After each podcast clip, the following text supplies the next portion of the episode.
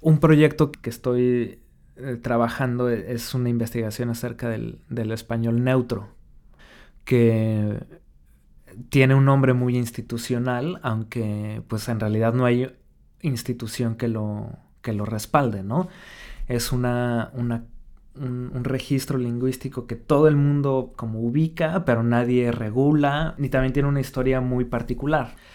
El español neutro es una forma de hablar español eh, en la que se, se prefiere el uso de palabras que, que se entiendan en todos los países, en el mayor número de países de habla hispana, que se reduzca el, el uso de, términos locales o de slangs y, que se pronuncie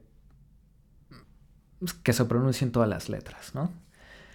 Esa forma de hablar español se inventó, nació en México, pero en un contexto muy particular, ¿no? Que era el contexto de la traducción del doblaje de películas, eh, de las películas de Disney en concreto, ¿no?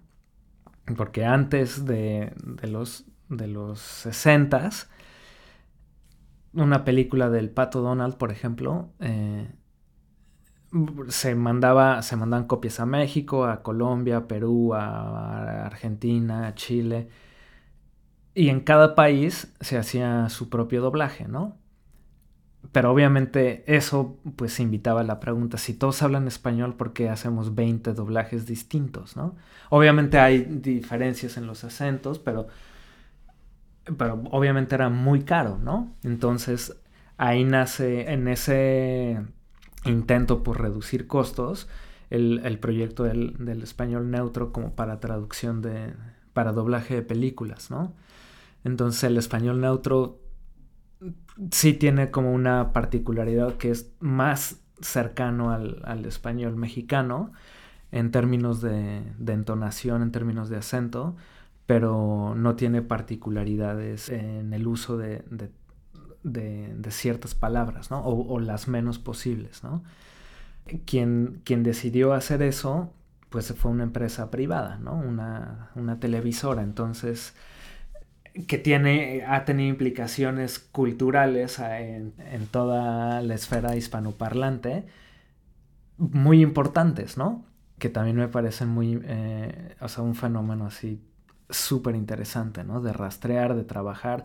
Por ejemplo, eh, el otro día me contaban que eh, los niños en Colombia hay un periodo eh, de los niños entre que tienen como 7 años y 12 que a esa edad todos los niños hablan con acento mexicano, ¿no? O sea, empiezan a hablar con acento colombiano, luego migran al acento mexicano y luego regresan al colombiano, ¿no?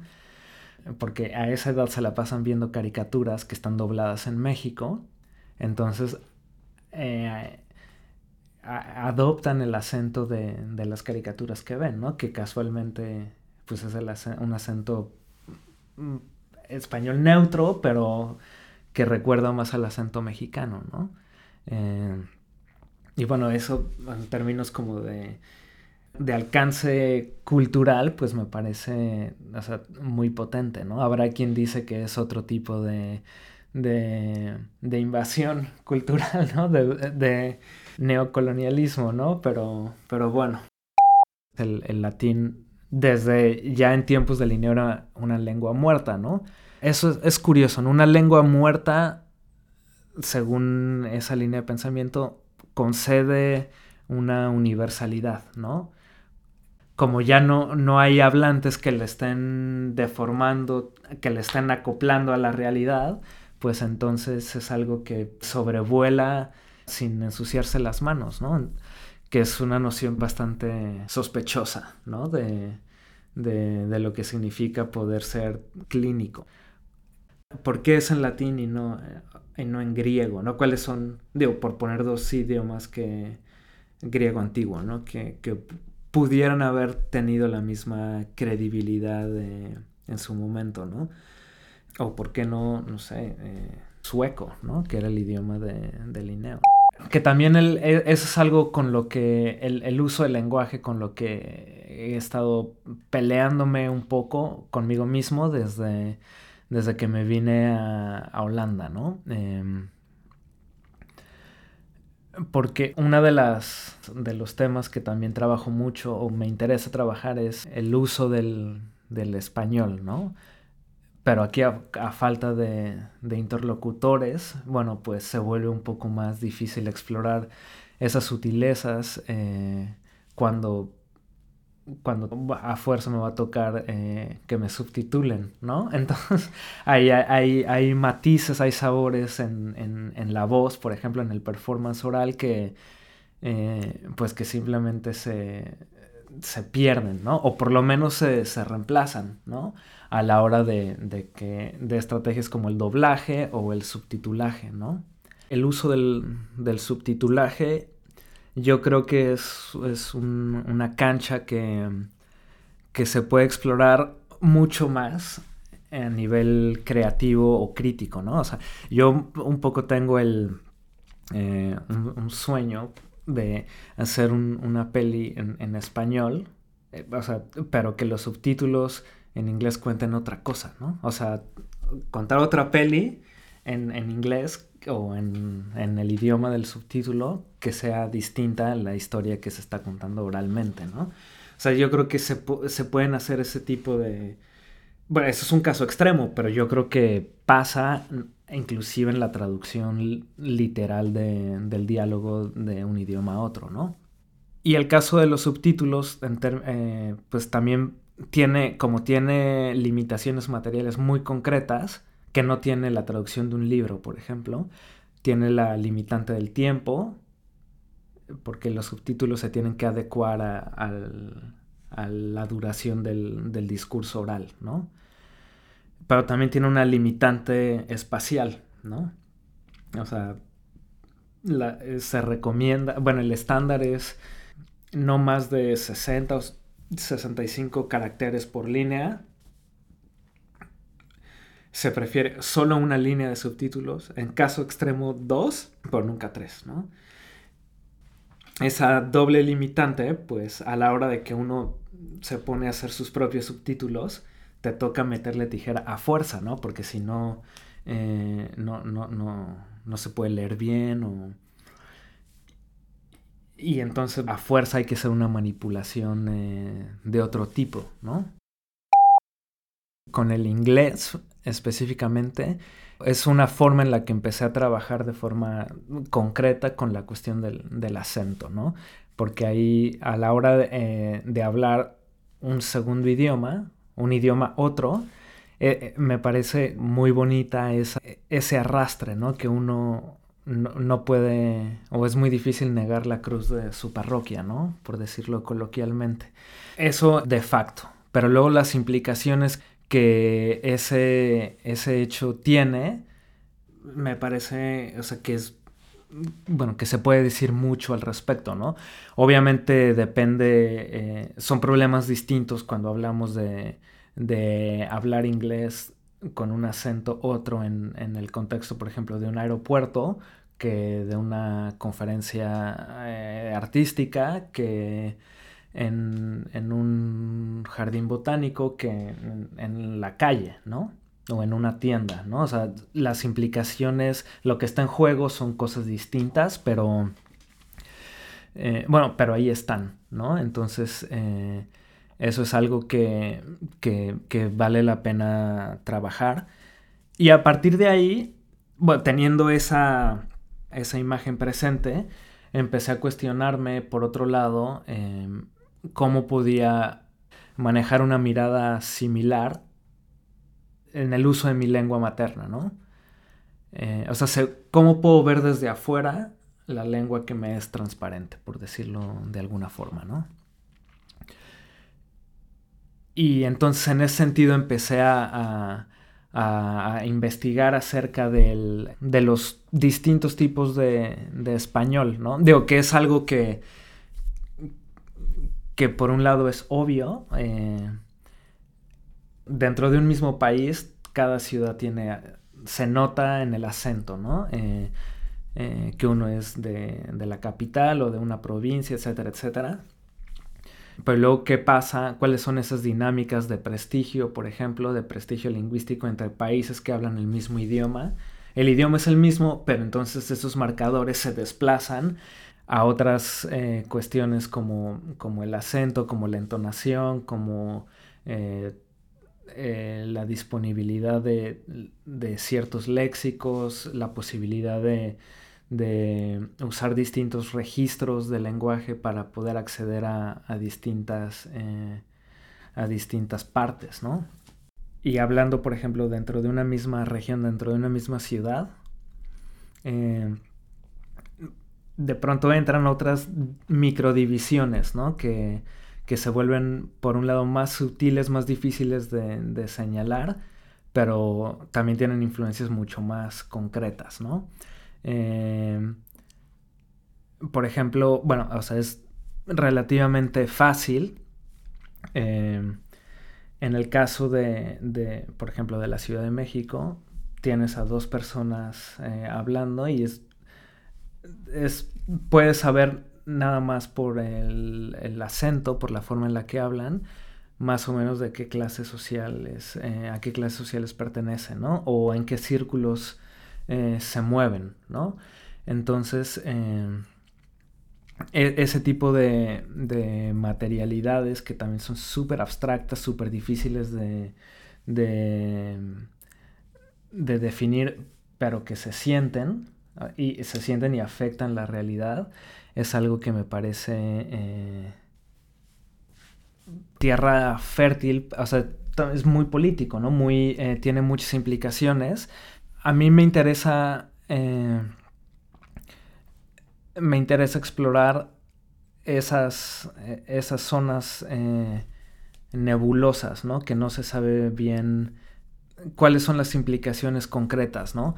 Porque una, una cosa, eh, un fenómeno contemporáneo que tiene que ver con, con las políticas de, identidad, ¿no? Que,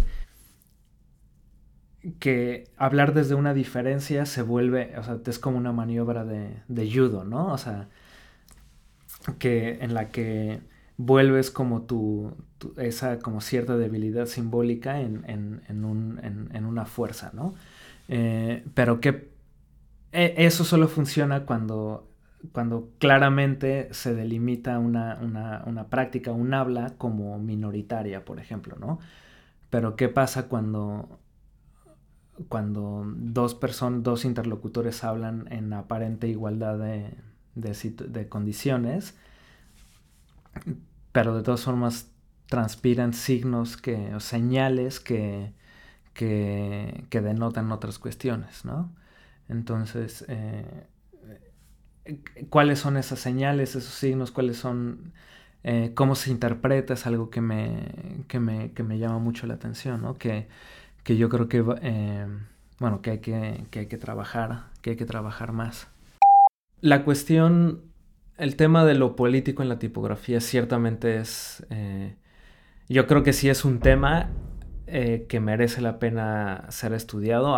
sí hay algunas referencias, pero pues yo creo que es más bien, más bien poco lo que se, se, ha, se ha publicado al respecto, ¿no? Y yo creo que una de las cosas que, que tienen que ver con eso es que la tipografía es invisible para la gran mayoría de la gente, ¿no? Entonces, eh, obviamente el enfoque casi siempre está en el, en el, mensaje o en el contenido, ¿no? Eh, y es, este es uno de, de los casos en los que la forma es, es eh, casi, casi siempre omitida, ¿no? Pero bueno, yo creo que sí hay que sí se puede explorar eh, em, las decisiones o los sentimientos, eh, opiniones políticas por medio de la, tipografía, de la forma del, lenguaje, de la forma de las letras, ¿no? Y bueno, a veces se puede, yo creo que es útil explorarlo de forma lateral, ¿no? No saliéndose un poco de la, de la cuestión gráfica estrictamente y, pensar en términos, por ejemplo, acústicos, ¿no? Eso yo creo que, eh, puede abrir la forma de entender la, tipografía en términos, en, términos más sociales, En el film utilicé esa tipografía que eh, diseñó, que le comisioné a un, eh, a un, colega diseñador tipográfico, Mateo Brolet, em, que se utilizó en muchas, eh, en, varias partes del proyecto, ¿no? En el film se aprecia en los subtítulos y en, y en estas tarjetas de texto, pero también hice una página web, un repositorio online donde hay pues ensayos de distintos tipos que tienen que ver, que giran eh, alrededor de la cuestión de la clasificación. Y bueno, y esta tipografía tiene una particularidad que una, o sea, las familias tipográficas convencionales, bueno, pues tienes eh, distintos pesos, ¿no? Light, regular, bold, extra bold, itálicas, etcétera, etcétera. Esta tipografía eh, que se llama sector eh, no tiene ese tipo de, pesos o de cortes, pero lo que tiene es eh, distintas posibilidades de calibrar la legibilidad, ¿no? Entonces, eso se puede apreciar, por ejemplo, en la página de internet que algunos textos son reactivos, entonces la tipografía literalmente se pulveriza cuando pasa el, cursor encima del texto. Entonces también era una forma de, de jugar con esta eh, cuestión de la legibilidad y salirse de las clasificaciones convencionales eh, con las que se estructuran las tipografías. Entonces, eh, digamos, la mancha tipográfica aparece desde el principio, pero las palabras se van revelando con, un, con una temporalidad que trata de imitar la temporalidad de la, de la voz, ¿no? Entonces no es así eh, un texto que va apareciendo mecánicamente, sino que trata de imitar eh, eh, la cadencia de, un, de, una voz humana. Es algo en lo que he estado pensando últimamente, cómo podría, cómo defino mi aproximación al, a la imagen en movimiento. Em, y yo creo que la forma en la que me acerco al, al film es más, tiene que ver más con, eh, con hacer películas como método de investigación, ¿no? Eh, entonces, bueno, sí puedo probar algunas, eh, algunas hipótesis, algunos, puedo poner a prueba algunas, algunas ideas, ¿no? Que a lo mejor no, no tendría eh, no sería tan fructífero, por ejemplo, en, un ensayo eh, académico, por ejemplo, ¿no? También el tema de, estar ahí es algo que, que, pues sí, se ha vuelto crucial en mi, en mi forma de trabajar, ¿no? Porque tanto en este proyecto como en el de taxonomías ambiguas, que lo grabé en Ámsterdam, en casi en su totalidad, pero hay una, hay una escena que sí grabé en, en, Colombia que, y bueno, porque fui a buscar ese árbol, ¿no? En, en donde históricamente se suponía que, que, lo habían encontrado. Entonces necesitaba verlo yo también con mis propios ojos, ¿no? Y entonces en, en ese, en ese movimiento, en, esa, eh, en ese choque con, con la realidad, pues obviamente surgen preguntas que, y, sensaciones y, pensamientos, ideas que, que es imposible tener sentado en un escritorio, ¿no? Eh, o, haciendo trabajo de, escritorio, ¿no? Entonces ahí esa, ese trabajo de campo me parece, me parece fundamental en mi, para mi forma de trabajar, ¿no? Que tiene que ver mucho con, eh, con las implicaciones concretas de, un, de una región en particular la ciencia con C mayúscula, por llamarle de alguna forma, eh, se autoetiqueta como universal, eh, no tiene en cuenta ningún tipo de contexto social, histórico, económico, etcétera, etcétera.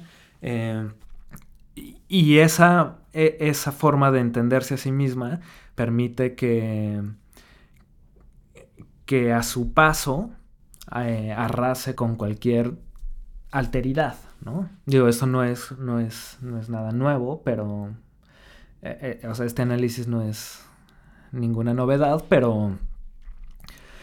Pero creo que es importante tenerlo en cuenta porque nos ayuda a entender dinámicas históricas de larga duración, yo creo, ¿no? El título de eh, Taxonomías ambiguas, em, pues justo tiene que ver con, eh, o apunta a, esa imposibilidad de, sistematizar nuestra realidad, ¿no? Entonces, también es una, una, exploración eh, que trato de hacer por medio de los distintos lenguajes de, fílmicos que platicamos em, eh, eh, hace unos momentos. a mí eso es algo que me, que me interesa, esa noción de la ambigüedad o de la, de la oscuridad, ¿no? A la, a la hora de aproximarse a, a ciertas formas de conocer el mundo.